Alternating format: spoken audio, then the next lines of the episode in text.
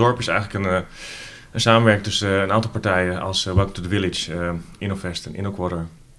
Waarbij we een week voorafgaand aan ons festival al een, een mini-dorpje maken met 50 studenten die in een week tijd gaan proberen een aantal grote circulaire uitdagingen uh, op te lossen en uit, aan te gaan. Ja, want als ze dan bij jullie komen, hoe ziet dan uh, de begeleiding vanuit Dorp eruit? Wat, wat voegen jullie toe? Hoe helpen jullie hun daar door dat traject heen? Ja, zeker. Nou, uh, Dorp duurt nu een week, waarbij we iedere dag een gezamenlijke sessie starten. elke dag beginnen we met z'n allen om te kijken van oké okay, jongens, wat gaan we vandaag doen en hoe, hoe, ziet, het, hoe ziet de week eruit, hoe ziet de dag eruit?